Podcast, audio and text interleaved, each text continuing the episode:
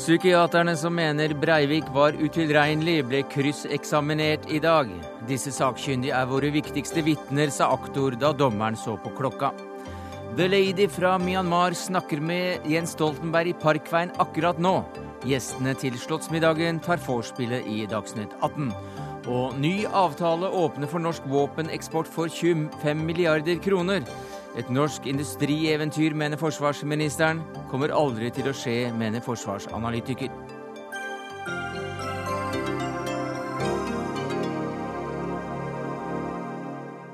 Ja, Det er noen av sakene i eh, Dagsnytt 18 denne fredagen, der vi også spør hvordan i all verden det skal gå med Egypt nå som parlamentet er underkjent og presidentvalget kommer på søndag. Nils Butenschø svarer. Men vi starter med finfint besøk.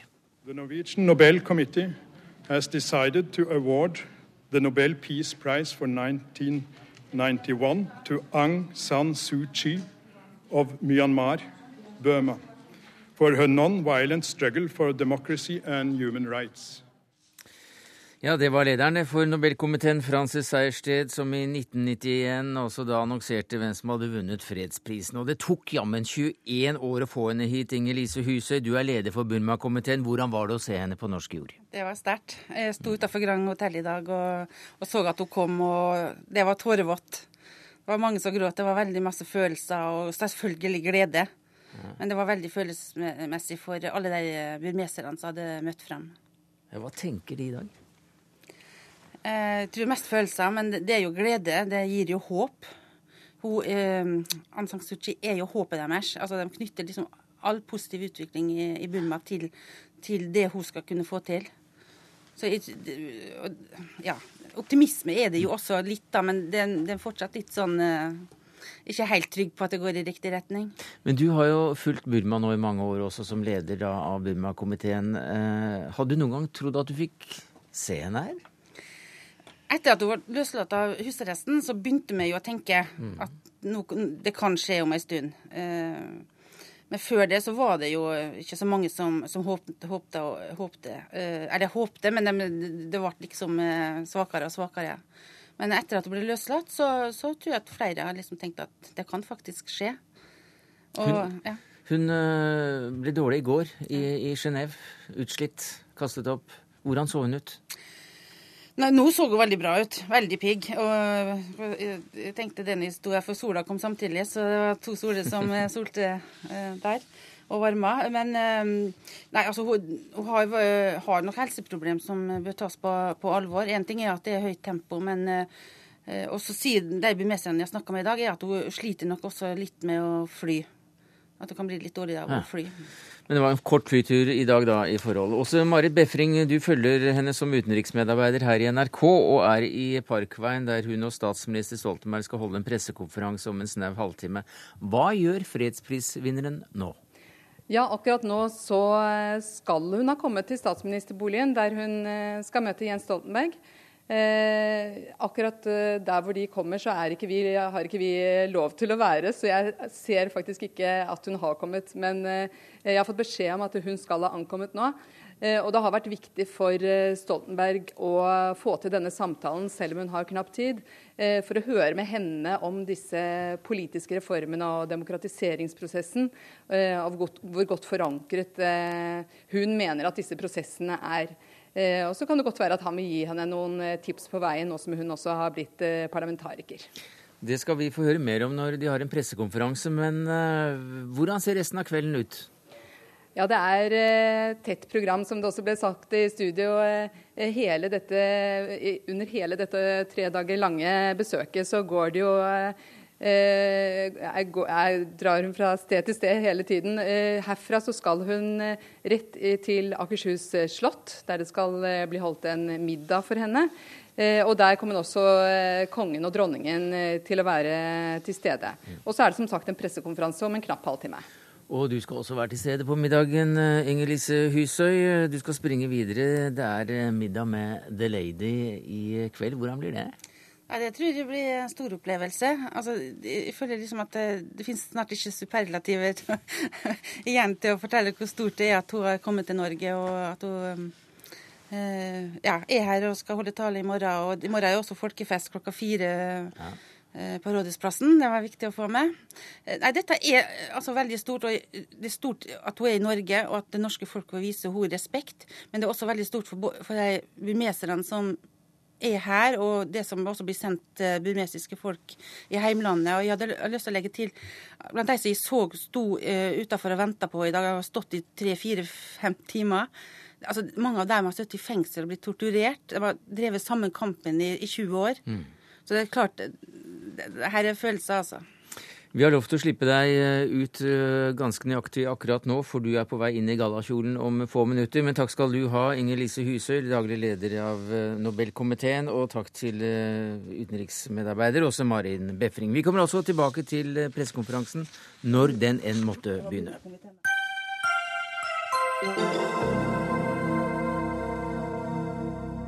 Ja, sånn går det. Men uh, vi skal over til uh, det som har skjedd i rettssal 250 i dag. For uh, i dag så ble altså psykiaterne Synne Sørheim og Torgeir Husby spurt ut om sin rapport, der de konkluderte med at Anders Behring Breivik var paranoid schizofren og strafferettslig utilregnelig. Både dommer, aktorat, bistandsadvokat og forsvarere stilte inngående spørsmål om metoden i rapporten, premisset for diagnosen og deres vurdering av faktum i denne saken. Og Pål Grøndal, du er rettspsykolog. I går sa du at Sørheim og Husby argumenterte godt for sin rapport i sin egen fremstilling. Men hva sier du i dag etter at eh, de fikk inngående spørsmål? Ja, jeg syns jo de holder stilen, og de holder forventet stil også. De står på sitt. Eh, jeg ser ikke at de viker en tomme på det de sa i går. Og når de blir veldig presset, så blir jo eh, ofte svarene nokså korte, særlig fra Sørheim. Mens Husby er litt mer villig til å, å, å gi flere ord og forklare litt mer. Men det er klart at gjennom åtte-ni timer med, med, intense spørsmål, så er det jo klart at det er visse spørsmål som er gode, og som går igjen. Og det går jo veldig på dette faktagrunnlaget. Hvordan kan dere vite at dette ikke kan faktisk være reell politisk terrorisme, og ikke en per person som er paranoid schizofren? Det gikk igjen i mange ulike spørsmålsstillinger. og det sa faktisk eh, Anders Bergvik, eh, Han poengterte det på slutten i dag. at uh, Hvordan kan dere vite at alle politiske terrorister uh, ikke er paranoid schizofren når dere har satt meg til den diagnosen der? Er det et godt spørsmål, Pål Hartvig? Du er psykiater. Kan ikke nekte det, at det var et ganske fiffig, fiffig spørsmål. Hvordan syns du at de to sakkyndige som altså da kom med erklæringen om at han var utilregnelig, hvordan kom de fra denne dagen? Jeg er enig med Grøndal i at de holdt stilen godt og uten nøling og, og med klarhet og, og iallfall indre eh, konsekvens eh, forsvarte sitt standpunkt. Både diagnosen og det med, litt mer uspesifikke utilregneligheten. Så det, det, gjorde de. Og det var litt forskjell på dem, som Grøndal sa, at eh, de svarte litt eh, Sørheim noe knappere. Eh, det jeg også festet meg med, var jo at Husby faktisk Han brukte ikke akkurat ordet, men at han nærmest sa at han angret på at de hadde satt denne diagnosen og kommet med det. Samtidig så sa han at vi kunne ikke annet. Vi, det, vi, vi fulgte vår overbevisning, som eksisterer mm. fortsatt. Men han ga faktisk det ved dørene at, at han hadde nok fått mye problemer med, med reaksjonene på den, og det vet vi jo.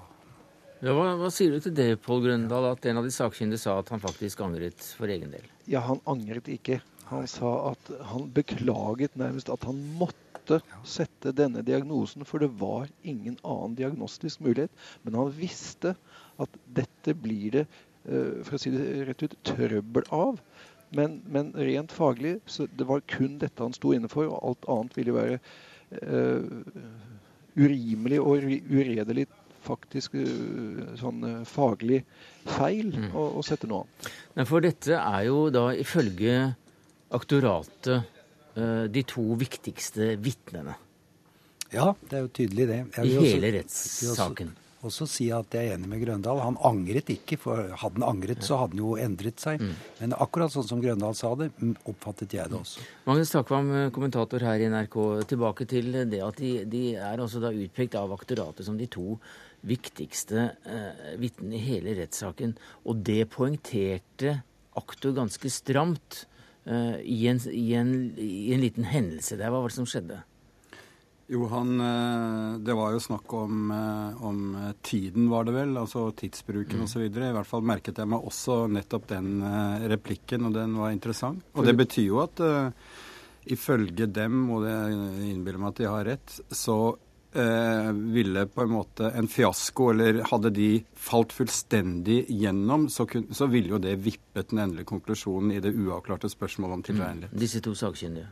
Ja, altså dersom de gjennom den eksaminasjonen og grillingen som foregikk i dag, hadde falt fullstendig igjennom, så hadde, hadde retten hatt problemer med å legge så mye vekt på den at, det, at, at utilregnelighet kan bli konklusjonen. Så, Hvilke spørsmål var det som, som, var de viktigste, slik eh, aktoratet så det?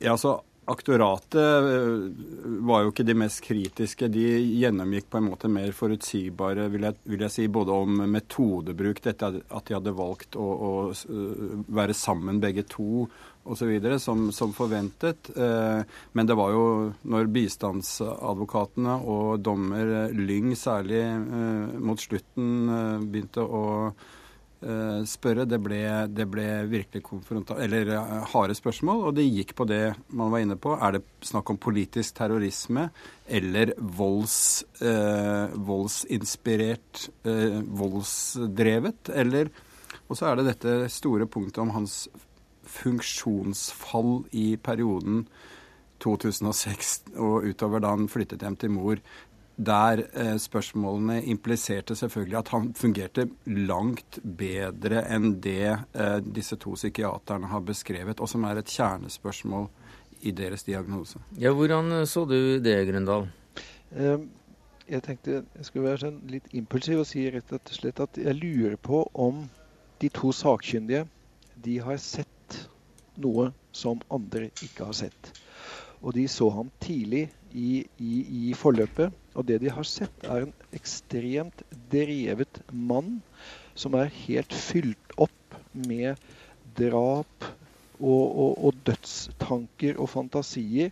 Og, og, de har vært nærmest helt satt ut, begge to, eh, da de snakket med han. Og dette har avgjort deres kliniske vurdering av Behring Breivik den drevne Behring Breivik, den ser de ikke ut til at andre har sett av ulike årsaker. Kanskje er det slik at Behring Breivik ikke har vært så uh, drevet av disse fantasiene når han har snakket med andre enn disse sakkyndige, som mm. kom veldig tidlig inn. Og så lurer jeg på en ting. Jeg lurer på om de sakkyndige ikke helt har klart å få fram hvor, hvor sterkt det kliniske inntrykk har eh, gitt dem, altså. Og, og, at det er noe av det forklaringsproblemet de får i retten med å fortelle hvor sjuk de faktisk mener at han er. Nei, de, de vakler jo ikke, men jeg er enig i at det kan, dette kan være grunnlaget for, for, for, at de kanskje har overdrevet sin bedømmelse av det psykotiske her. Akkurat det. Så, men det er klart at det er jo ting med hans forbrytelse som har galskapens skjær. Først og fremst det han kaldblodig gikk og gjorde oppe på Utøya. Så det er ikke så rart at man får slike tanker som de første sakkyndige fikk. Et par eksempler på ting som, som jeg tror retten ikke følte de fikk godt nok svar på, var denne tolkningen av, av spørsmålet om han, at han vet hva andre tenker. Altså, ikke sant? Han sier at han er en god selger. og han kan, eh, når det gjelder 70 eh, uten videre, skjønne hva eh, andre tenker. Det punktet følte jeg ikke ble ordentlig besvart. Og heller ikke dette som har gått igjen veldig mye om neologismer, altså nyord. Mm. Eh, hvor viktig det er som separate punkter, vet jeg ikke, men det var i hvert fall to ting som gikk igjen. Ja, jeg bare skyte inn at det er, det er noe med å do det er et formål til med at de sakkyndige er i retten. Og det er at de skal forklare retten, nær sagt det uforklarlige. Og jeg tenker at de har gjort sin første oppgave, nemlig å gjøre en rettspsykiatrisk utredning av Behring Breivik. Det har de gjort veldig godt. De har gjort det skikkelig, de har gjort det faglig.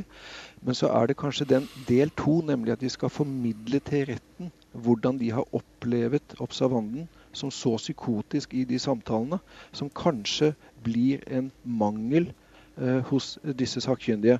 De blir kanskje veldig nøkterne i fremstillingen.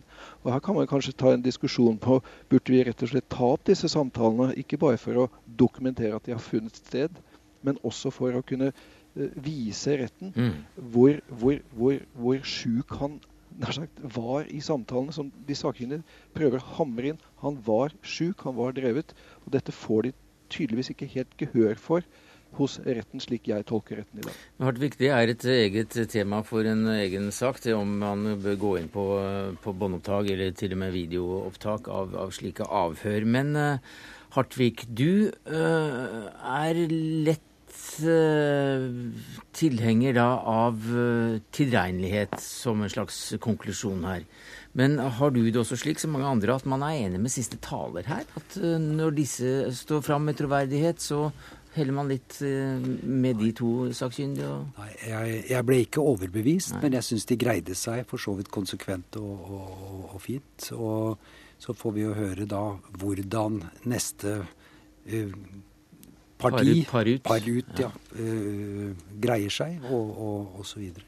Men uh, det da at psykiatrien har, og psykiatere har spilt en så stor, uh, ufrivillig stor rolle som i, som i, denne saken, utilsiktet antagelig, faglig så går det vel an å forstå også ut ifra at retts, retten har muligens gjort en, en tabbe her ved å bruke akkurat disse to parene.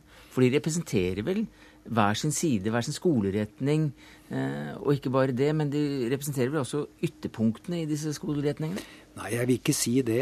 Alle disse fire er jo eh, erfarne klinikere. Jo, Men de kan stå på hver sin side for det, rent, eh, ja, rent faglig og ja, skolemessig? Men, men jeg, jeg, har ingen visshet om at den ene, det ene paret har tendens til i større grad å se uh, utilregnelighet i forhold til de, de andre.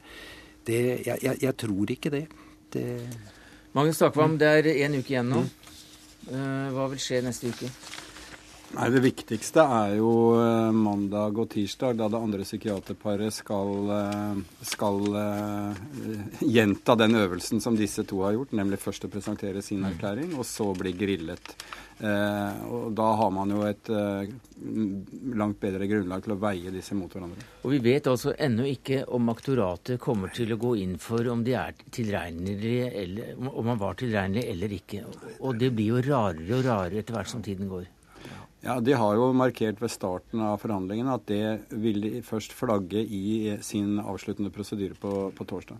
Nei, Jeg syns kanskje at Holden virket noe mindre bejaende, kanskje, i sin eksaminasjon i dag.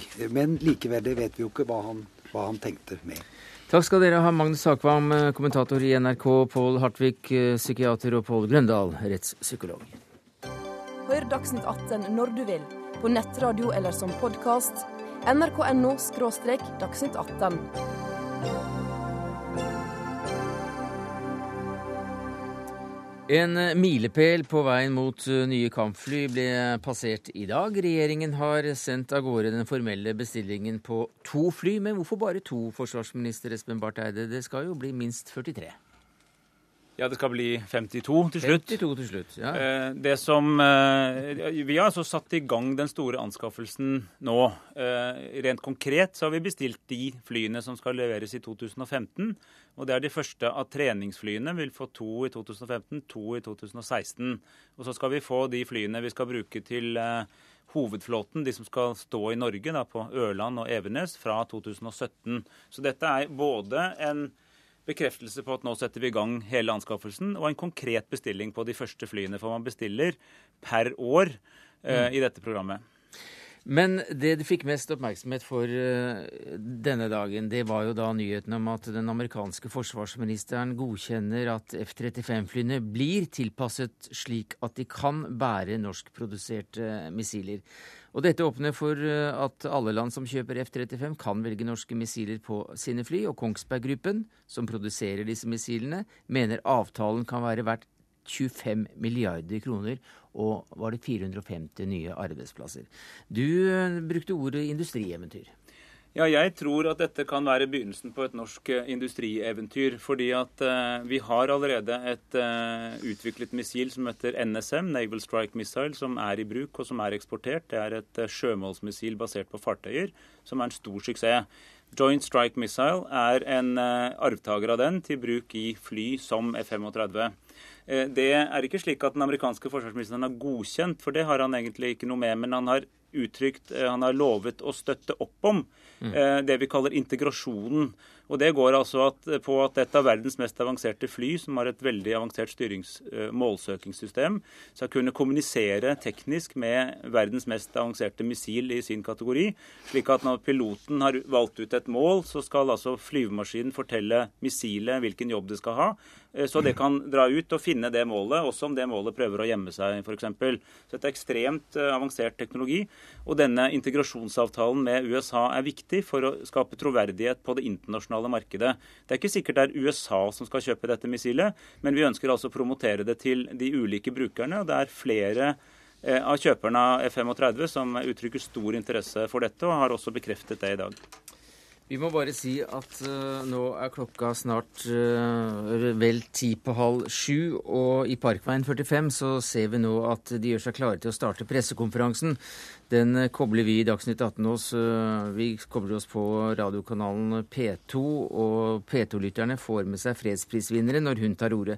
De som vil ha med seg hele pressekonferansen, får holde seg til fjernsynskanalen NRK2, der Anders Magnus overtar nå. Men vi er tilbake, om ikke tilbake på landjorda, for vi er, eh, driver med missiler, eh, Espen Barth Eide. Og hvor langt er, eh, er, forskningen kommet fra norsk side? Altså, de driver ennå og forsker på flyet. Er forskningen på missilene også i samme rute? Ja, Som sagt så er altså JSM-missilet, det som er et flybasert missil, det er en eh, direkte arvtaker til et allerede eksisterende ferdigutviklet missil som heter eh, NSM, som eh, vi har, nå har tatt i bruk, og som Polen snart tar i bruk, og som er, er en suksess eh, både nasjonalt og internasjonalt. Så, sånn sett så er det jo kommet veldig langt. Men, men, det er en betydelig jobb i å tilpasse denne teknologien til denne bestemte, eh, dette flyet. Eh, fordi at eh, en, en, av de store fordelene med, med F-35, det flyet Stortinget i går enstemmig eh, besluttet å kjøpe, og som vi i dag har begynt å bestille, det er jo at disse missilene kan være inne i flykroppen innenfor det som heter Weapons Bay, altså hvor det er altså et lukket rom hvor man holder disse missilene. Og det skal altså integreres software-messig og også mm. litt hardware til flyet. Og det er en svær jobb som ikke er gjort. Eh, det, dette kunne Norge og Lockheed Martin gjort alene, men vi mener at det gir en helt annen tyngde overfor det internasjonale markedet om den største kjøperen av F-35 er med og, og, støtter opp om og faktisk bidrar til denne integrasjonen. Og Det er ikke noe annet missil i dag som er i, i samme, som har kommet så langt mm. som JSM. Det var reklamen, Jon Berg, forsvarsanalytiker, eh, F-35-kritikeren eh, framfor noen. Men det lar vi ligge, for nå snakker vi om mulighetene for et norsk industrieventyr. Hva tror du om det? Ja, Da må vi først se på hvordan uh, europeisk uh, forsvarsindustri uh, klarer seg når de prøver seg på det amerikanske markedet. For det er det som er det store. Australia Japan er bitte små. Da snakker vi ikke om 20-25 milliarder, men kanskje 2-3% av det. Så det er altså USA. Og der er det for det første slik at hvis europeisk forsvarsindustri skal skal overhodet kunne konkurrere om kontrakter i USA, så må de slå seg sammen med en amerikansk industri. Og det betyr at hvis man får kontrakter, så havner de aller fleste arbeidsplassene i USA. For vår del altså ikke på Kongsberg, men i USA. For det andre så ser vi at når europeerne på denne måten vinner sammen med en amerikansk industri, så tar den tapende amerikanske industrien og går til sine kontakter i den amerikanske kongressen. Og så blir det utvirket omkamp, og i den omkampen så taper europeerne gang på gang. Så mulighetene til å få eksportert dette missilet til USA eh, er eh, forholdsvis liten, veldig liten kan vi si, og den blir mindre og mindre etter hvert som den amerikanske forsvarsindustrien selv blir hardere og hardere presset. Mm. Og det blir den jo. Ja, Som lytterne vet, så har ofte Jon Berg og jeg vært uenige. Men nå skal jeg være litt enig med Jon Berg på beskrivelsen av at eh, USA er et ganske proteksjonistisk forsvarsmarked. Det er helt riktig. Eh, det er også riktig at eh, amerikanske konkurrenter bruker kontakter i, i Kongressen og Senatet for å gjøre om på Pentagons spede forsøk på å kjøpe utenlandsk. Det er, og det er, det er en utfordring vi er kjent med. Men når det er sagt, så er det slik at man vinner ikke kampen hvis man bestemmer seg for å tape eh, før man går på banen. Eh, og Kongsberg og flere andre store norske leverandører har jo de siste årene klart å eksportere ganske betydelig til USA. Rett og slett fordi de har funnet noen nisjeprodukter som ingen andre lager. Bl.a. Eh, det som heter våpenstasjon, som selges i stor skala til det amerikanske forsvaret. Og et av de missilsystemene som forsvarer Washington DC, er faktisk eh, delvis norsk. Mm. NASAMS. Og det er altså slik at I det tilfellet så var Kongressen mest opptatt av at missilene faktisk beskyttet hovedstaden, og ikke bare at de var laget i USA. Det altså så det er altså mulig, og mm. Norge har faktisk en viss suksess med å selge til USA. Og vi er jo også veldig opptatt av å, å bruke dette industripolitisk. Ja, men her er det hard konkurranse med amerikanske missiler. Så kan man si at det norske missilet er eh, unikt. Men det er bare det at da definerer man de operative kravene litt annerledes, og så plutselig er det et amerikansk eh, missil som er uh, unikt. Og vi skal også se på uh, andre erfaringer enn de uh, statsråden nevner. Nemlig f.eks. Skjold-klassen uh, missil-torpedobåter, som den amerikanske marinen testet et helt år. Mm. Det var riktignok uh, andre motiver de hadde for det. Da sa vi dette kommer vi helt sikkert til å få eksportert den, til den amerikanske marinen. Ble ingenting av. Mm. Jo, men Jon Berg, eh, det, Vi har både suksesser og vi har ikke lyktes i flere av disse sammenhengene. Det, eh, sånn er det. Det er et tøft marked, og man må være tøff i dette markedet. Og man har et nisjeprodukt som er så unikt at eh, de kjøper det likevel. Men jeg har lyst til å gjenta at så vidt jeg forstår Kongsberg, så er det ikke først og fremst USA de nå ser mot. Eh, poenget her er at vi trenger den største brukerens samarbeid om integrasjon. Og så er det markeder andre steder i verden, kanskje særlig de som nå ser eh, som amerikanerne mer mot Stillehavet. Mm som kan være de, de, fremste kjøperne er det. For per i dag er det ikke noe alternativ til JSM-missilet. Eh, vi skal over til eh, Myanmar-delen av Dagsnytt 18-sendinga. Vi styres litt av begivenhetene på pressekonferanser og nede i Parkveien i, hos statsministerens kontor der. Men takk skal du ha, Espen Barth Eide, forsvarsminister, Jon Berg, forsvarsanalytiker. Det moralske i det, det kan vi ta en annen gang.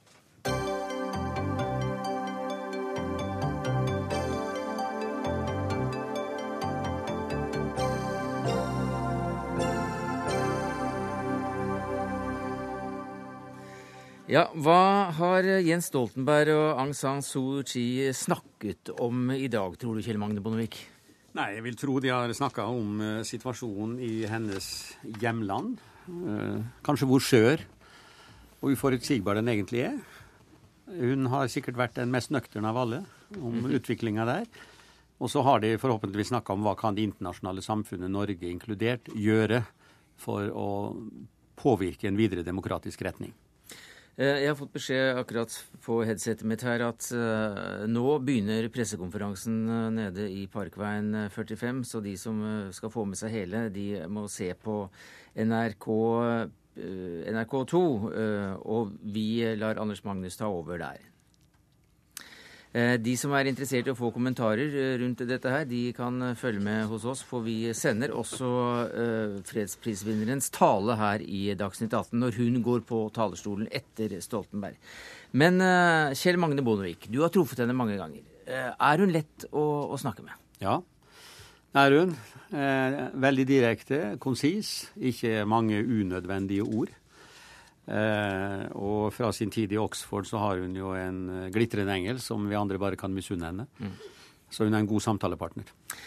Cho-Cho Ang, du er norsk uh, Myanmar og uh, Suchi-tilhenger. Du har ventet lenge på denne dagen. Hvordan har den vært?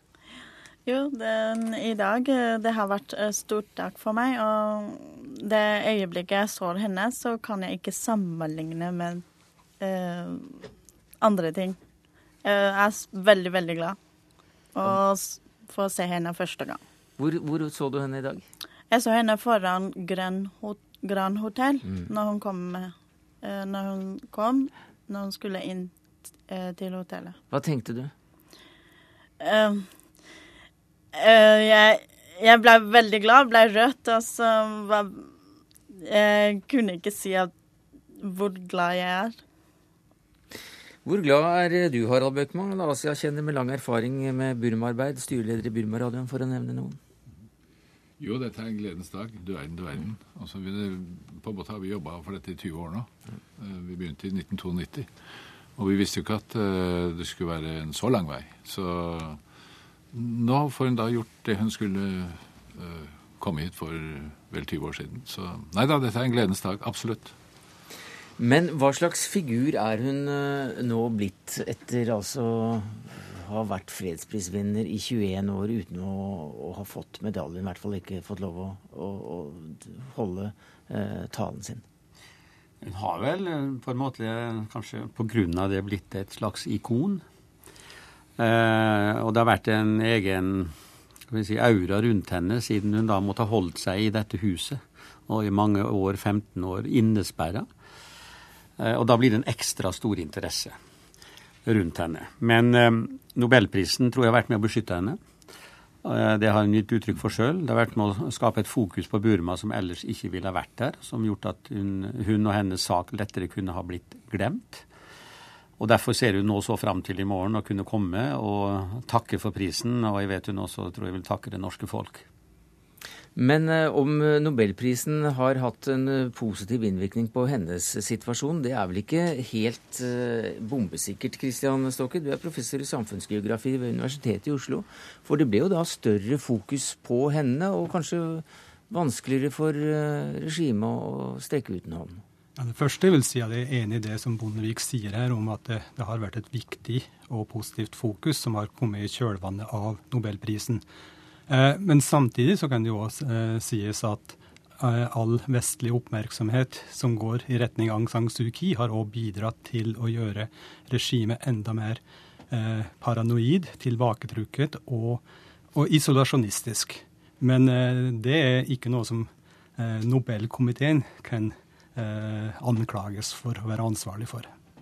Bøckmann, hva har nobelprisen betydd for henne? Det er helt åpenbart at det har, det har beskyttet henne. Det sa de burmeserne som var til stede i 1991.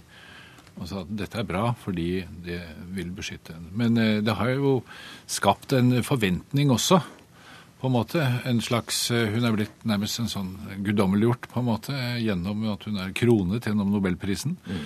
Så eh, det har også skapt da, i tillegg at hun har denne familiebakgrunnen, eh, hun er datter av landsfaren, så hun har nærmest umenneskelige forhåpninger på, fra folk på sine skuldre. Så vi får nå se nå, da. Nå, nå har hun sittet i isolasjon og på en måte vært en en, en, symbolfigur. Og nå skal hun ut i politikken, og er i full fart ut i politikken. og Da får vi se hvordan, hva slags politiker hun er. Ja, Hvordan blir det, Bondevik?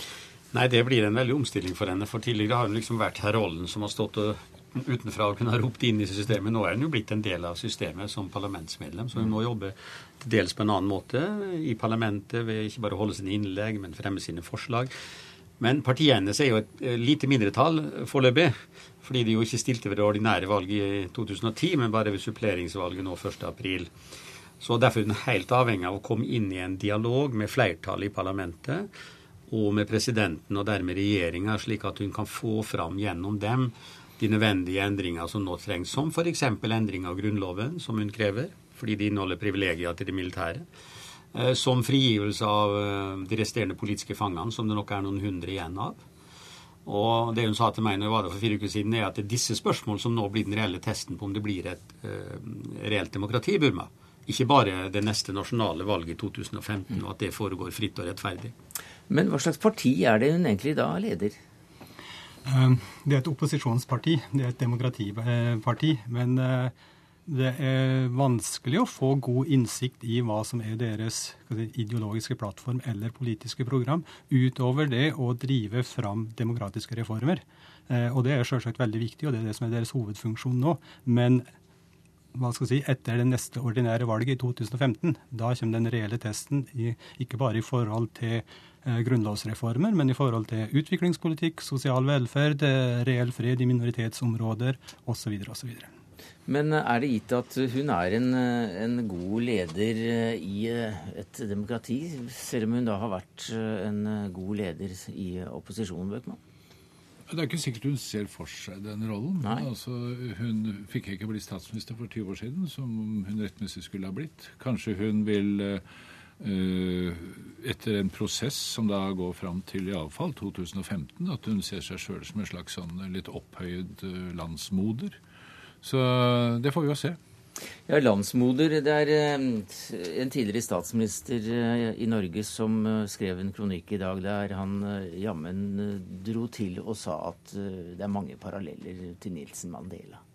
Ja, det er det.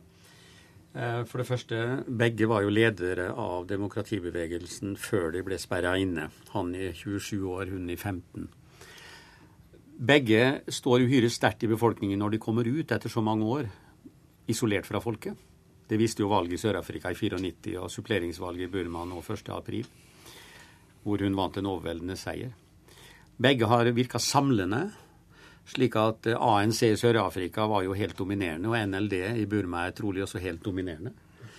Eh, og hun kan ende opp som president etter valget i 2015 hvis det blir et fritt og rettferdig valg, og hun sjøl vil. Men det er jo ikke sikkert, som Bøckmann inne på, at hun vil ha den posisjonen. Men det som også er interessant, er om det nåværende regimet i Burma kan kanskje tenke likedan som de siste apartheidlederne i Sør-Afrika. Nemlig, og dette har jeg snakka med Fredrik de Klerk om, han var Oslo-senterets gjest i fjor. Vi kom til at dette systemet vårt er ikke bærekraftig i det lange løp. La oss heller bli med på en fredelig overgang til et demokrati. Og det han sjøl ikke sa, men som kanskje vi kan si, istedenfor å bli stilt for retten om noen år. Det jeg håper, er at lederne i Burma tenker likedan nå, og at de derfor blir med videre på veien mot demokrati. Og da er det ikke bare president og regjering som er avgjørende, da er det de nåværende militære lederne som er avgjørende. De har det siste ord. Stokke.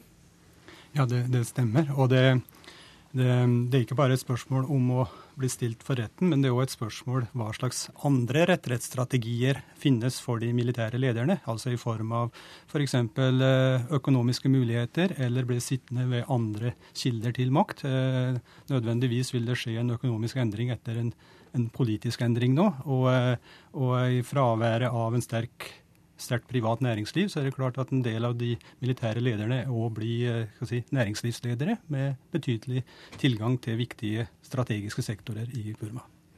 Jeg snakket i går med den burmeske viseministeren for informasjon, altså de som driver med å kontrollere informasjonen. Og de er gjester hos eh, eksilradioen Democratic Voice of Burma, og bare det sier jo en god del. Så jeg spurte han eh, hvordan ser han på opposisjonen. Så sa de nei, vi, er, vi ser ikke på det som opposisjon. Vi ser på, ser på, de andre som samarbeidspartnere. Vi er som to, er som to eh, skinner på et tog. Det var liksom bildet han brukte. Så spurte jeg hva skjer når toget kommer på stasjonen. Og det svarte han ikke på.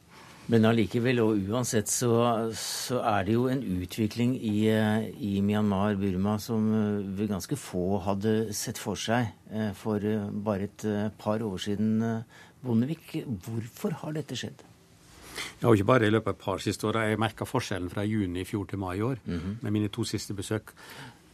Særlig på det at nå kunne folk i gatene snakke åpent om politikk og, Aung San, og nevne Aung San Suu Kyis navn. Det turte de ikke i juni i fjor. Da hviska de bare til meg eh, når de var inne på slike spørsmål. Nei, det er veldig vanskelig å vite hvorfor. Da må en liksom inn i hodet på, på lederne. Ja, det er ikke så enkelt. Men jeg håper som sagt at de tenker slik som de siste apartheidlederne i Sør-Afrika. At det kan være den viktige grunnen. Det andre er at de har selvsagt ikke likt å være isolert i verdenssamfunnet. Og ved å ta disse stegene de nå har gjort, så ta, får de besøk. De kommer ut, eh, de kan få formannskapet i ASEAN, den organisasjonen som de er medlem av. Eh, og etter hvert som det skjer mer av dette, så kanskje de får mer smaken på det òg, og vil fortsette. Det er mitt håp. Jeg vil bare komme med en liten sånn, eh, informasjon. Fordi jeg tror det er eh, mange som ikke har oppfattet at faktisk de folk, alle nordmenn som har lyst, som er i Oslo-området, de har mulighet til å møte henne i morgen klokken fire, lørdag klokken fire på Rådhusplassen. Fordi hun har sjøl sagt at hun vil gjerne møte det norske folket, og da må jammen det norske folket stille opp. Også dagen etter på Trollmenningen i Bergen. Men apropos, apropos Norge og Myanmar. Hvordan begynte interessen for Myanmar i, i, i Norge? Ja, Det skyldes primært én person, vil jeg si. Han heter Halvor Kåre Kulløy. Og så skyldes det Raftofolk i Bergen. Og de spilte på lag. Hun fikk jo Raftoprisen i 1990 og var allerede nominert til uh, Nobelprisen. Men Kuløy var uh, tidligere leder for Unicef-virksomheten i Burma på første halve 80-tallet, og han er den eneste som hadde virkelig god kunnskap. Han var også personlig venn, deres familie, av Aung San Suu Kyi og mannen hennes fra sin tid som leder for Unicef i Nepal. Fordi mannen hennes og henne var jo Nepal- og Bhutan-forskere. Så Kuløy han var den som var initiativtaker til det som vi kalte for Samarbeidsutvalget for Burma, som ble Burma-komiteen. Han var på en måte en, en, elefant som brøyta seg gjennom den norske uvitenheten om Burma. Så han gikk dessverre bort i 2001, men han bør minnes eh, på denne stunden, i den stunden her. Nei, det er helt enig Og jeg hadde veldig mye utbytte av samarbeidet med Kulei. Og så begynte jeg sjøl å aktivisere meg da sånn 3-94 og etablerte et internasjonalt nettverk for eh, støtte til demokrati i Burma, som vi tror også kanskje spilte en, en rolle. Og dette engasjementet har jeg fortsatt med siden den gangen. Ja, hvorfor har du vært så interessert i Burma? Du er den norske statsministeren som har eh, flagget Burma-interessen klarest.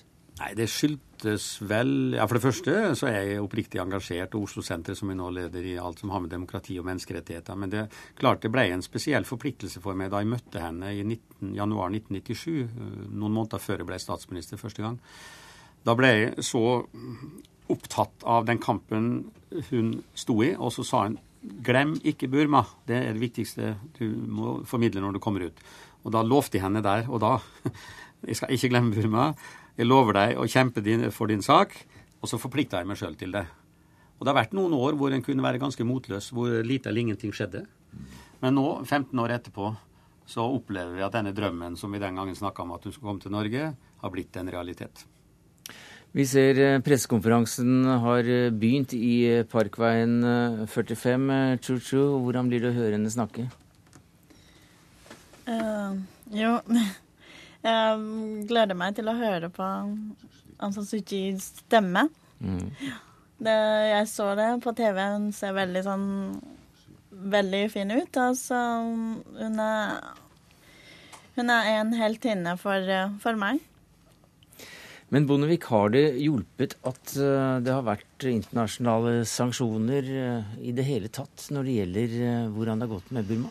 Det er ulike syn på, men jeg er blant de som mener at det faktisk har hjulpet. Ja, For du dyttet veldig på at ja, det skulle skje? Ja, og slik som, eh, på samme måte som i Sør-Afrika. Det hjalp. Nå har det ikke vært så omfattende for Burma, fordi at de asiatiske landene var jo ikke med på det. Og da blir ikke virkningen like sterk. Men jeg, ganske, jeg tror at eh, lederskapet i Burma har etter hvert merka virkningen av dette, og jeg ønsker å komme ut av det. Det viktigste for meg var jo at Aung San Suu Kyi sjøl og demokratibevegelsen sa dere må ikke oppheve sanksjonene. De må fortsette til vi ser en bevegelse. Og Den har nå kommet de siste månedene, og da har Aung San Suu Kyi sagt seg enig i at de kan suspenderes. Dvs. Si at de er ikke endelig oppheva, men de er oppheva inntil eventuelt utvikling skal begynne å gå i gal retning igjen. Men så er det vel da også slik at hun nå, som du skriver i din kronikk i Aftenposten i dag, er, er suverent uh, landets moralske leder. og, og og det internasjonale samfunnet anerkjenner jo nesten hun som, som landets leder allerede. Eh, men, eh, men Stokke, nå blir jeg bare avbrutt av en som sier at nå begynner hun å snakke, så da setter vi direkte over til Parkveien 45. Ta på dere headsetene deres. Everybody asked me how I felt about it, and actually I couldn't give an answer because I didn't know how I felt about it. I was just so busy preparing for the trip. But this morning, when I woke up early in Bern and looked out of the window and saw Switzerland, I suddenly realized for, for me that this is a journey of discovery, rediscovery and discovery, seeing the world with new eyes, because after 24 years, things look different. Not because they are bigger and taller buildings, which they are not in Bern, as far as I can make out, although I can see that there are more high rise buildings in Geneva than there used to be. Not because of that, but because I now see the old places that I've seen before with different eyes, different eyes that uh, were opened by my experiences of the last 24 years. And what I would like to say most of all is that I thank the people of Norway, and all others who have helped us along this very difficult path. As the Prime Minister mentioned, we are certainly not at the end of the road, by no means. We're just starting out. And this road is not going to be a straightforward, smooth one. There are going to be many twists and turns, and there will be obstacles, but we'll have to negotiate these with the spirit, in the spirit of national reconciliation. The Prime Minister says that uh, he, he would wish Norwegian firms uh, to invest in Burma. I agree with that, provided that uh, they invest in a, what I would call a democ- democracy friendly way. A human rights friendly, democracy friendly investment is what we are looking for. That is to say, that whatever investments are made must be made on the basis of transparency and accountability on both sides of uh, the, the, the, the contracts what the government is doing and what it is not doing must be, must be clear. And at the same time, we would like to see that investments will promote the private sector rather than strengthen the hand of the government over the economy. Because Burma has been a command economy for far too long, and we never prospered in that uh, along that road. So now that we're opening up to new opportunities, we want to make sure that we're opening up in the right way. So that is all I have to say uh, as an introduction, because I believe you have questions to put to me, and I'll be very happy to answer them. The first question is for Michael Wooldridge of the BBC.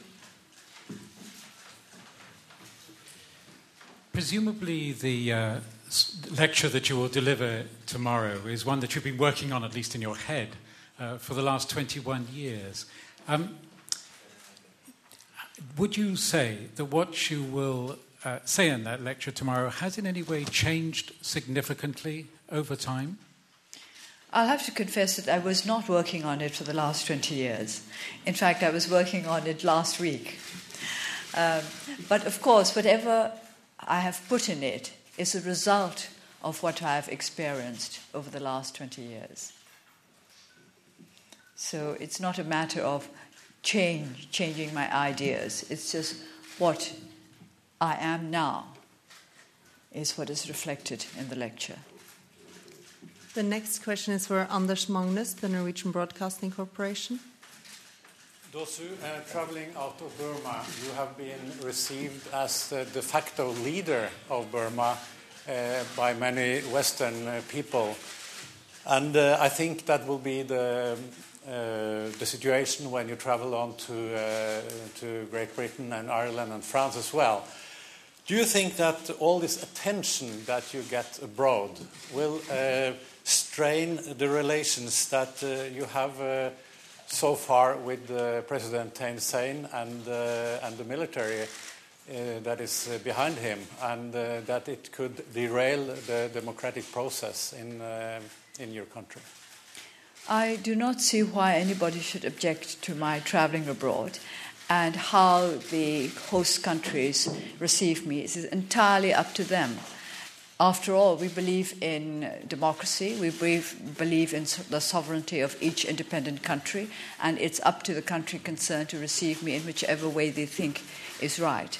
And I cannot see any good reason why either President Thein Sein and his government or the military should object to this.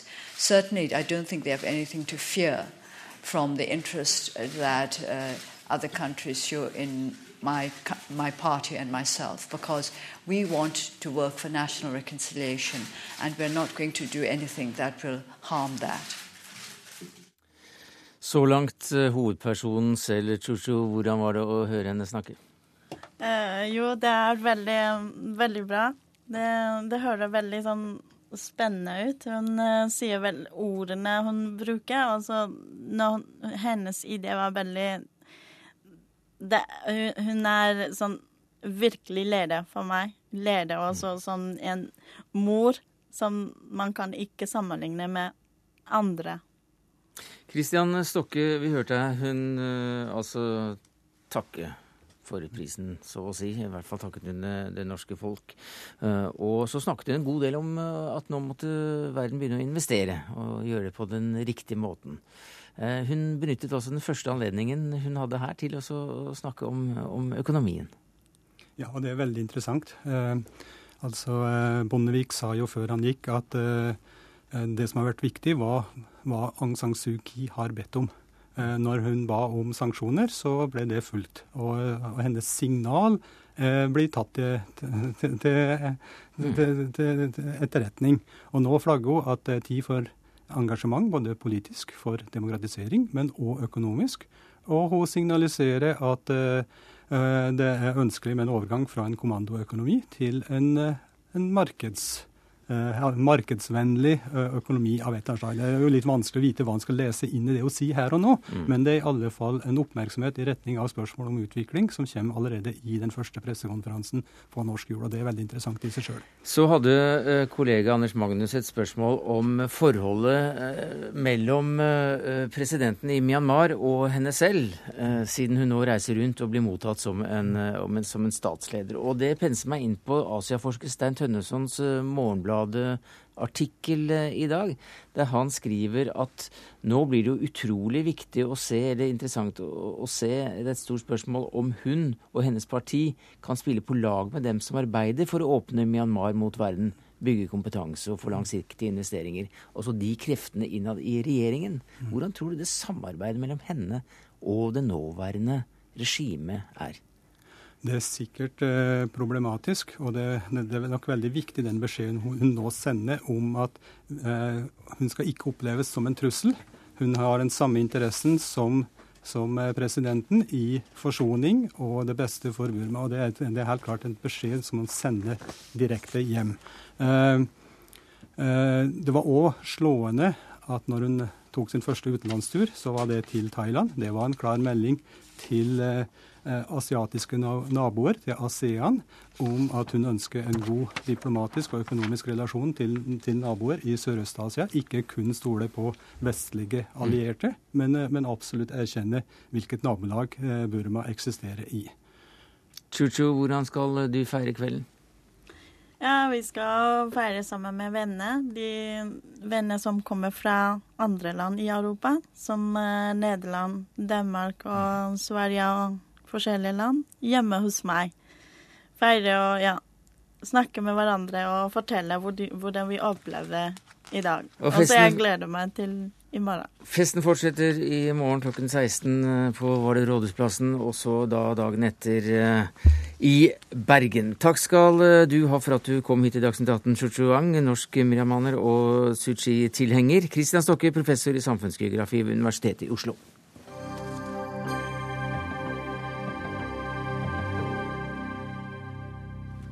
Så til Midtøsten. For det har vært store demonstrasjoner eh, rundt omkring. Og i eh, natt og i dag så er spenningen stor foran eh, hva som kan skje etter fredagsbønnen i Kairo.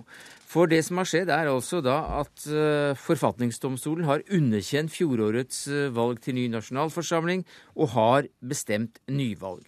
Sigurd Falkenberg Mikkelsen, hvordan er situasjonen i Kairo der du er nå? Den er uh, spent, uh, litt forvirret. Folk er ganske slitne. Noen er litt redde oppgitte.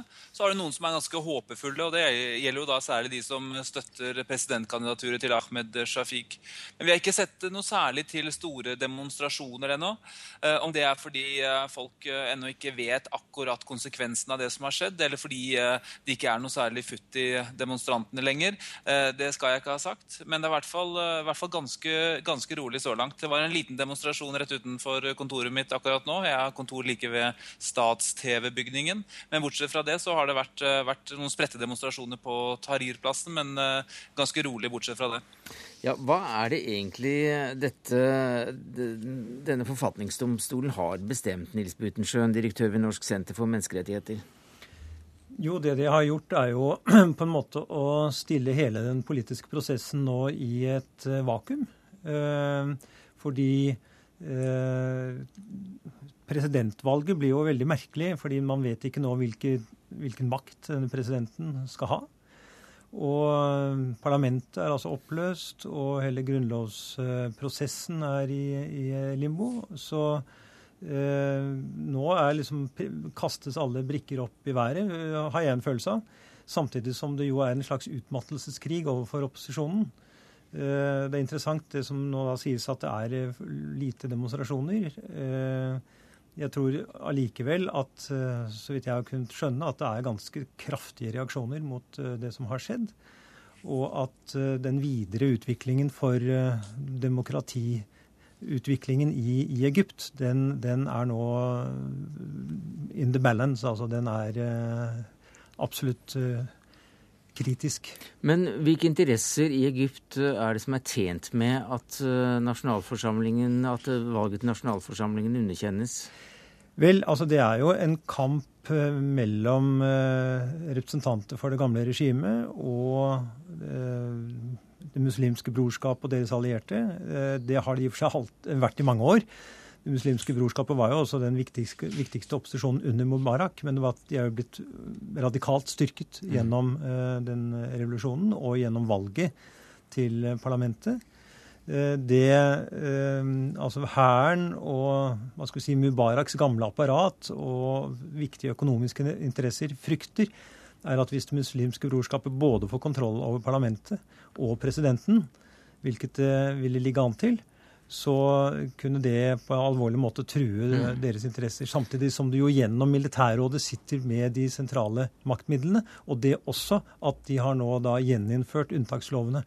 Det er jo veldig alvorlig. Ja, Hva har presidentkandidatene sagt om eh, det forfatningsdomstolen har gjort, eh, Falkenberg Mikkelsen? Nei, altså Ahmed Shafiq holdt jo det som minnet om en slags sånn seierstale allerede på sin siste pressekonferanse, hvor han oppførte seg som en, eh, som en kommende president. Eh, litt andre toner hos Mohammed Morsi, altså brorskapets eh, kandidat. Eh, det mest oppsiktsvekkende her er nok at de velger å fortsette å opprettholde kandidaturet sitt.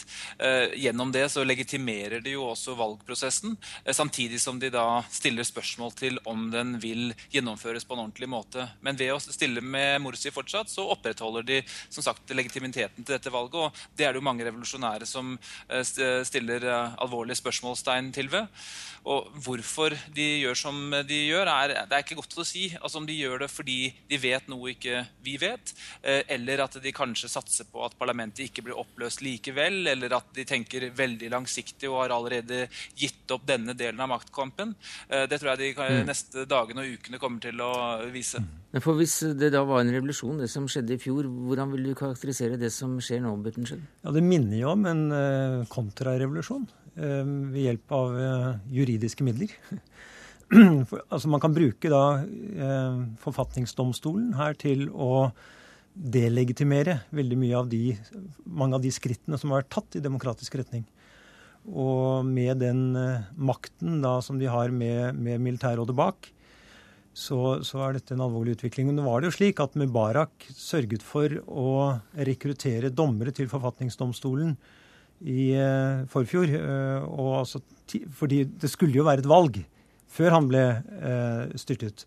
Og det var viktig for ham da å få på plass dommere som var lojale overfor ham. Så jeg kan komme inn? Ja, veldig raskt.